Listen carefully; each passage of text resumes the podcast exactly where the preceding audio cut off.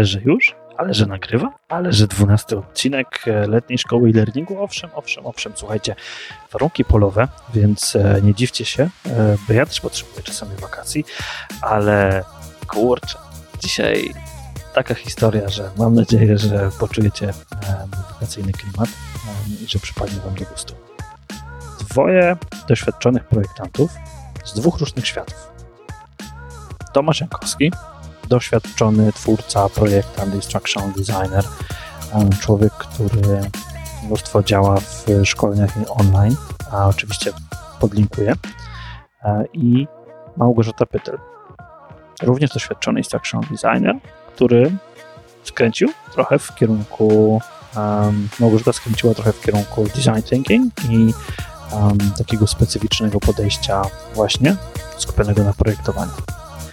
Ale dzisiaj mm, główną częścią naszej letniej szkoły e-learningu, naszej audycji, naszego spotkania będzie dość długie opowiadanie, które mam nadzieję, że taką właśnie metodą storytellingową naświetli Wam dokładnie o co chodzi i w jaki sposób dobrać odpowiednie metody do ustalonych celów szkoleniowych.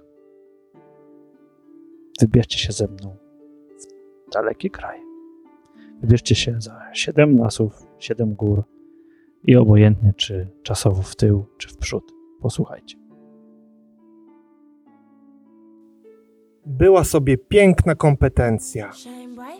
Miała długie blond włosy, olśniewający uśmiech i oczy tak głębokie, że nie jeden mógłby się w nich zatracić. Nazywała się obsługa klienta. Bardzo, ale to bardzo chciała, aby ktoś ją zdobył. Był trochę zakręcony. Miał rozbiegane oczka i zawsze nosił ze sobą miotłę. Uważał, że jak coś powie, to będzie to zrobione. Miał silny charakter. Ale ty masz silną psychikę. Zajebiście silną. Kompetencja była zadowolona, że spotkała wreszcie kogoś, kto jej pomoże.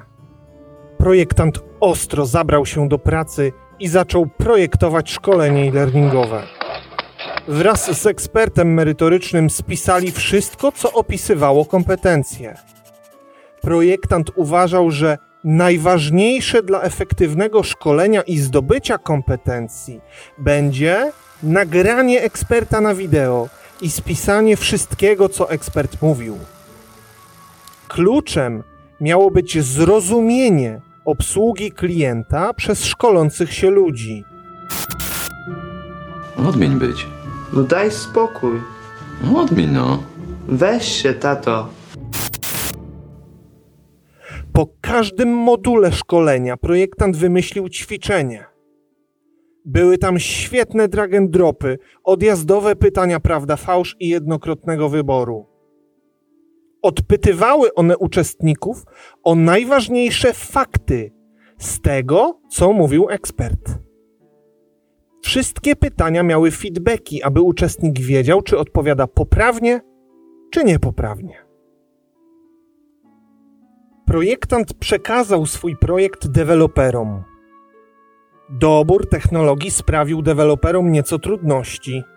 Spierali się, czy lepszy będzie Cope Adaptivate czy Sequelate Artoryline. Wybrali Artoryline 630 i zaimplementowali szkolenie. Po osadzeniu szkolenia na platformie i realizacji przez pierwszych uczestników okazało się, że handlowcy świetnie umieją odpowiadać na pytania o kompetencji i wyjaśniają, na czym polega fenomen jej pięknych oczu. Niestety nikt jednak nie potrafił jej zastosować. Handlowcy nie mieli szans przećwiczyć jej zastosowania. Miało to kiepskie przełożenie na praktykę w pracy. Nikt nie zdobył kompetencji. Obsłudze klienta zrobiło się bardzo smutno.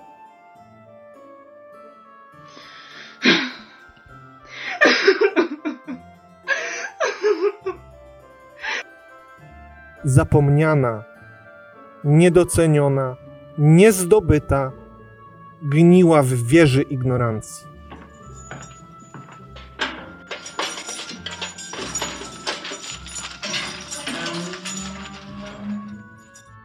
Wtem zjawił się paladyn. Szukam młodej, szarowłosej dziewczyny. Widziałeś tu taką? Paladyn też projektował e-learning. Chwycił się za głowę, gdy zobaczył opłakany stan kompetencji. Kto cię tak urządził? zapytał, po czym zaklął szpetnie. Kurwa, no nie. No po prostu kurwa, no nie! Boże, czy ty to widzisz? Kompetencja cichutko zachlipała. Paladyn oznajmił, że jej pomoże. Kompetencja tak bardzo przecież chciała, aby ktoś w końcu ją zdobył. Paladyn wyjął ze swojego plecaka magiczny, świecący kuferek z narzędziami. Otworzył go i wyjął taksonomię Bluma. W sferze kognitywnej stwierdził, że najbardziej adekwatnym celem będzie cel z kategorii trzeciej zastosowania. Zdefiniował cel szkoleniowy o brzmieniu: handlowiec po ukończeniu szkolenia stosuje standard obsługi klienta. W oczach kompetencji pojawiła się iskierka nadziei. Paladyn dobrał także cele ze sfery afektywnej, rozwijające odpowiednie postawy handlowców. I tak powstały fundamenty całkiem nowego projektu szkolenia. Następnie Paladyn wyjął z kuferka czarny woreczek. Do tak postawionego celu należało dobrać odpowiednie metody pracy i pomiaru.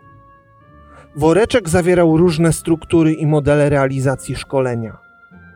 Był tam cykl Kolba, model First Principle of Instruction, dziewięć kroków Roberta Gagni. Był tam także model CCAF. Paladyn stwierdził, że ten ostatni będzie najbardziej uzasadniony. Skupił całą swoją uwagę na celu. Skupienie było tak wielkie, że wokół popękały ściany. Za pomocą techniki Action Mapping Paladyn dobrał takie aktywności, które będą wspierać zastosowanie kompetencji. W projekcie szkolenia Paladyn dobrał odpowiedni kontekst dla szkolących się ludzi. Przedstawił bardzo dokładnie sytuację i rolę, w której znajdą się uczestnicy szkolenia e-learningowego. Następnie zdefiniował wyzwanie. Wyzwaniem było, aby szkolący się ludzie zastosowali określone ścieżki obsługi klienta w symulacji. Handlowcy mieli brać udział w scenkach i wybierać różne opcje dialogowe. To był dopiero początek. Konsekwencjami wyborów dobrych i błędnych były szczegółowe i obrazowe informacje zwrotne, mające na celu uzasadnienie, dlaczego dokonywane wybory były prawidłowe i nieprawidłowe. Paladyn do wybranego celu szkoleniowego i dobranej już metody realizacji tego celu zastanawiał się teraz nad metodą pomiaru tego celu. Nie pomaluję, te amelinium. Ułożył różne sytuacyjne pytania quizowe i kolejne scenki. Zarekomendował także, aby po zastosowaniu symulacji handlowcy zaplanowali ćwiczenie kompetencji w pracy i że najlepszy do pomiaru będzie arkusz oceny dyrektora handlowców. Arkusz zawierał różne pytania o to, czy kompetencja była prawidłowo stosowana. Paladyn posłużył się zatem elementem metodyki transferu uczenia się, aby zmierzyć stan kompetencji w środowisku pracy. Zaprojektowane narzędzia trafiły na deweloperski stół. Paladyn przestrzegał, aby zadbać o kognitywną teorię multimedialnego uczenia się i nie popełnić błędów z tworzeniem narracji. Deweloperzy osadzili sytuacyjne wideo w odpowiednich sekcjach szkolenia odpowiadających modelowi Paladyna. Wybrali Simulator Storyline 630 do implementacji szkolenia powstała prawdziwa petarda. Ona jest taka słodka, wybuchowa i twarda Ta dziewczyna to jest petarda Szkolenie było zorientowane na działanie w pracy, miało znaczenie dla szkolących się ludzi. Handlowcy rozpoznawali swoje środowisko pracy w symulacjach. Szkolenie angażowało i osadzone było w autentycznym kontekście. Pozwalało podejmować realistyczne decyzje, popełniać błędy i uczyć się na nich. Wyzwania stawiane handlowcom były zaplanowane, osadzone w odpowiednich momentach w czasie. Informacje zwrotne w szkoleniu prezentowały realne konsekwencje, takie jak utrata klienta czy zbudowanie dobrej relacji. Efektywność szkolenia była bardzo duża. Za pomocą magicznej rekomendacji Paladyna szef handlowców pomagał im ćwiczyć kompetencje w praktyce w pracy. Kompetencja jaśniała w zachwycie. Wreszcie ktoś ją zdobył. Jej blond włosy odzyskały dawny blask, a oczy znów porywały głębią. Raczcie waście pomnieć, że historia owa kończy się dobrze. Kończy się dobrze, bo znalazł się ktoś, kto wiedział co, jak i w którą stronę pójść. A teraz e, posłuchajmy krótkiego podsumowania, które przygotował Tomasz i przejdziemy do części, którą przygotowała Małgorzata. Drodzy e-learning robiący, robiący kursy online i różne inne online cuda do uczenia się. Jaki z tej bajeczki mamy morał? Dbajmy o naszą dziedzinę na polskim rynku, dbajmy o e-learning na naszym polskim rynku. Cele to wasz fundament. Ale co to tak naprawdę znaczy?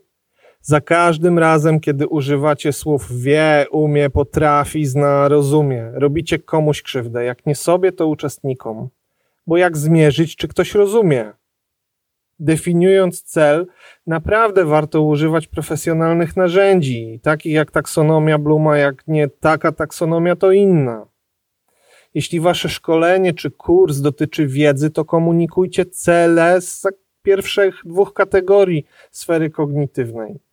Jeżeli wchodzicie wyżej na poziom umiejętności intelektualnych, to, to użyjcie czasowników z trzeciej i wyższych kategorii.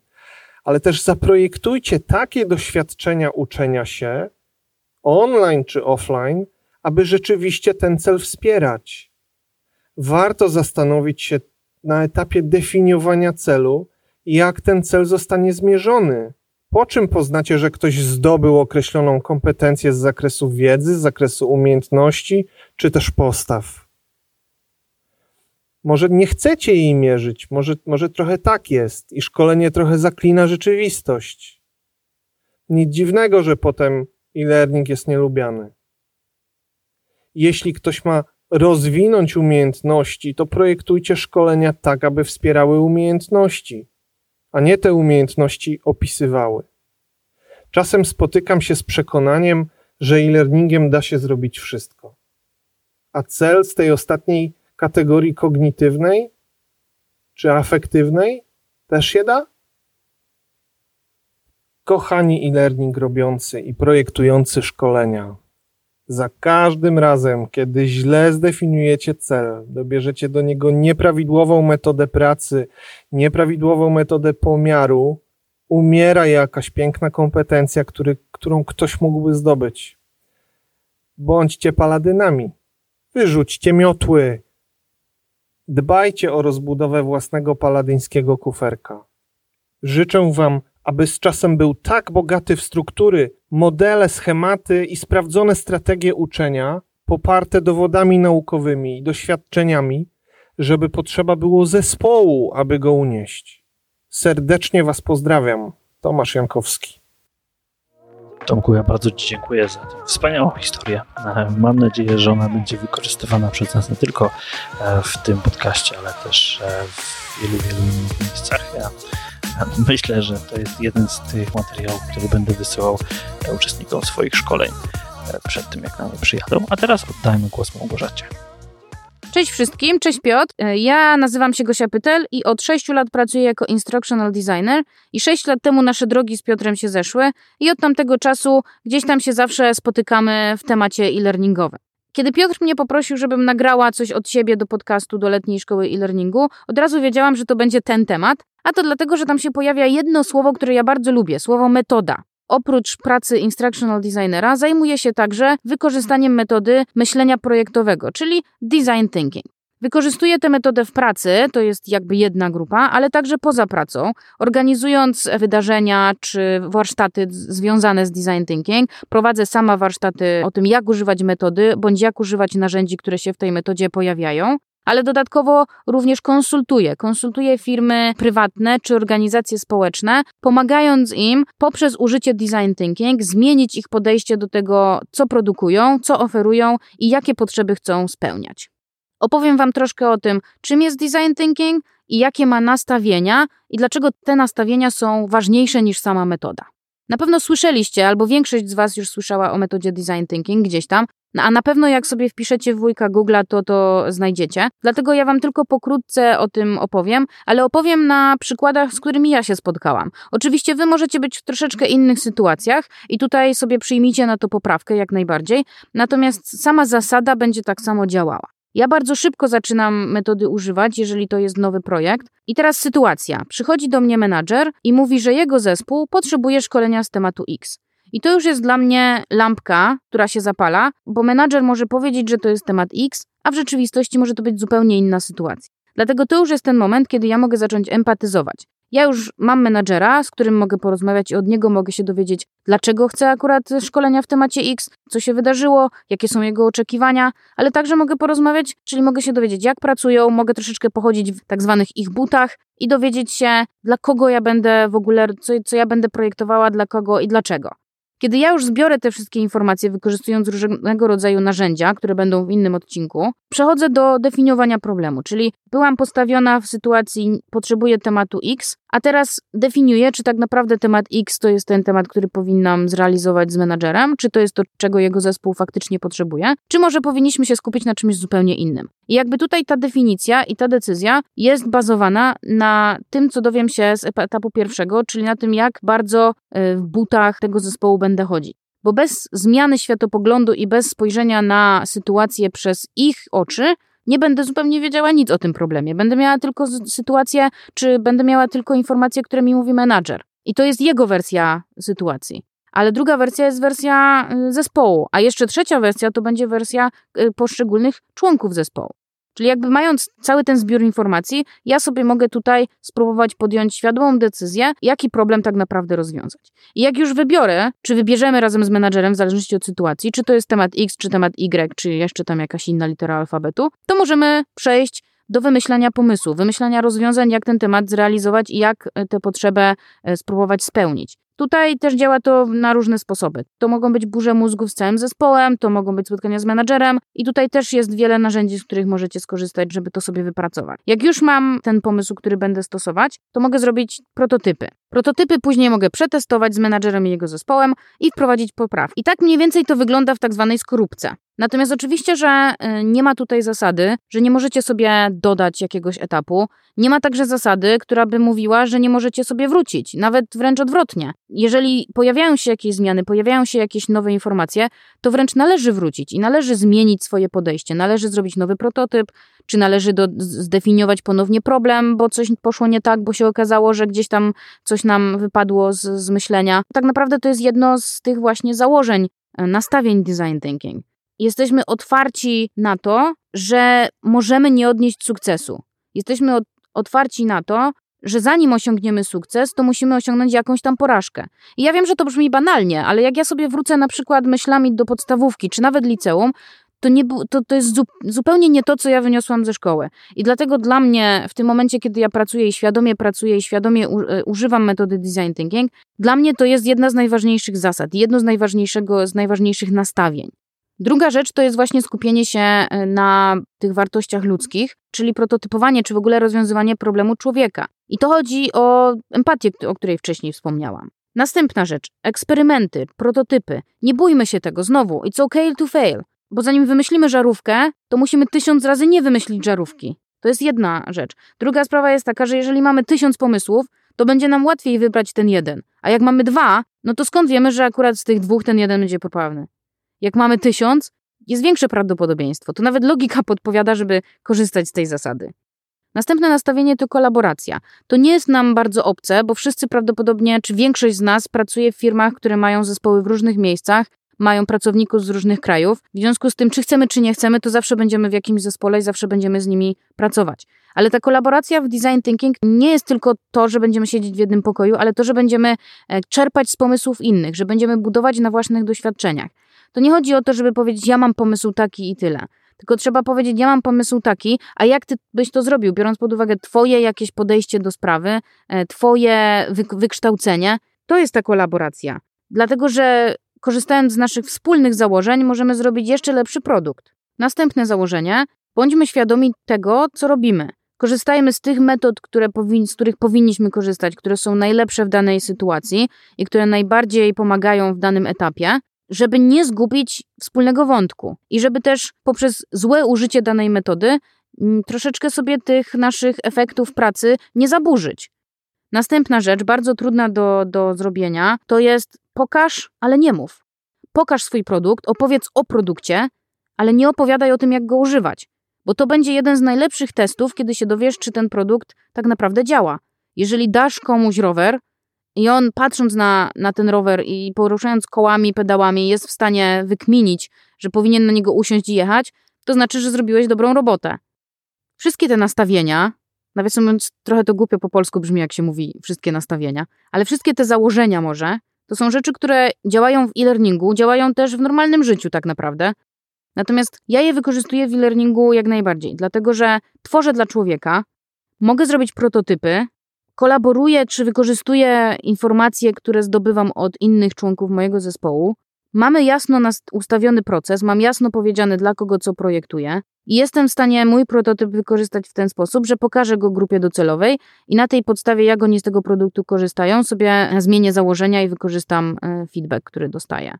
Zachęcam Was bardzo do, do eksploracji tego tematu. Jeżeli macie okazję tylko zapisać się na jakieś warsztaty bądź w jakiś sposób wykorzystać design thinking w, w realnej sytuacji, to jak najbardziej Wam to proponuję. Wszelkiego rodzaju linki do opowieści moich czy mojego bloga Piotrek na pewno zamieści w show notesach i zamieści na stronie Letnia Szkoła e-Learningu. E, jeżeli macie jakieś pytania, moja skrzynka pocztowa pozostaje otwarta. Bardzo Wam dziękuję, że, że zostaliście w tym podcaście i że mnie wysłuchaliście. I do usłyszenia bądź do zobaczenia na różnych wydarzeniach. Na razie, pa! No, trzymaj się ciepło. Um, jak widzicie, dwie różne osoby, dwa różne podejścia, dwie różne e, metody rozmawiania o bardzo podobnej rzeczy. O rzeczy, która jest ważna. E, to, że mm, potraficie zrobić szkolenie, zaczyna się od oczywiście waszego pomysłu. A efektywne projektowanie to również znajomość metod. Te metody, hm, no cóż, trzeba się trochę na nich skupić, trzeba się trochę na nich poznać, trzeba trochę podłubać i pogrzebać, żeby wiedzieć w jaki sposób je zastosować. Ale cóż, po co mamy grupę e-learning robię? Żeby pytać specjalistów, żeby zadawać pytania, żeby hmm, zastanowić się nad tym, czy robicie dobrze, a może dać komuś coś spróbować. Um, Dziękuję Wam za mm, zmagania z e-learningiem w tym tygodniu. Jak widzicie, temat tworzenia, projektowania mm, wymaga trochę dłuższych odcinków, ale nie przejmujcie się. Już za tydzień skupimy się na metodykach tworzenia materiałów szkoleniowych. Mm, popatrzymy, co jest dostępne, przeglądniemy je i zobaczymy, co nam z tego wyjdzie. Do usłyszenia we wtorek, a Was proszę bardzo też, żebyście się dzielili tymi linkami um, albo do 2edu.pl przez LSE, albo odcinkami poszczególnymi. Mm, jeżeli ktoś ma też ochotę napisać recenzję, to będzie to dla mnie um, ogromny plus. Te recenzje naprawdę przekładają się na dużo większą liczbę słuchaczy, zwłaszcza recenzje w iTunes, ale możecie wysłać recenzję dowolnym narzędziem. E, I pamiętajcie też o tym, że letnia szkoła e-learningu dostępna jest na Spotify, więc jeżeli używacie Spotify, to może być to miejsce, gdzie letnia szkoła e-learningu będzie razem z Wami.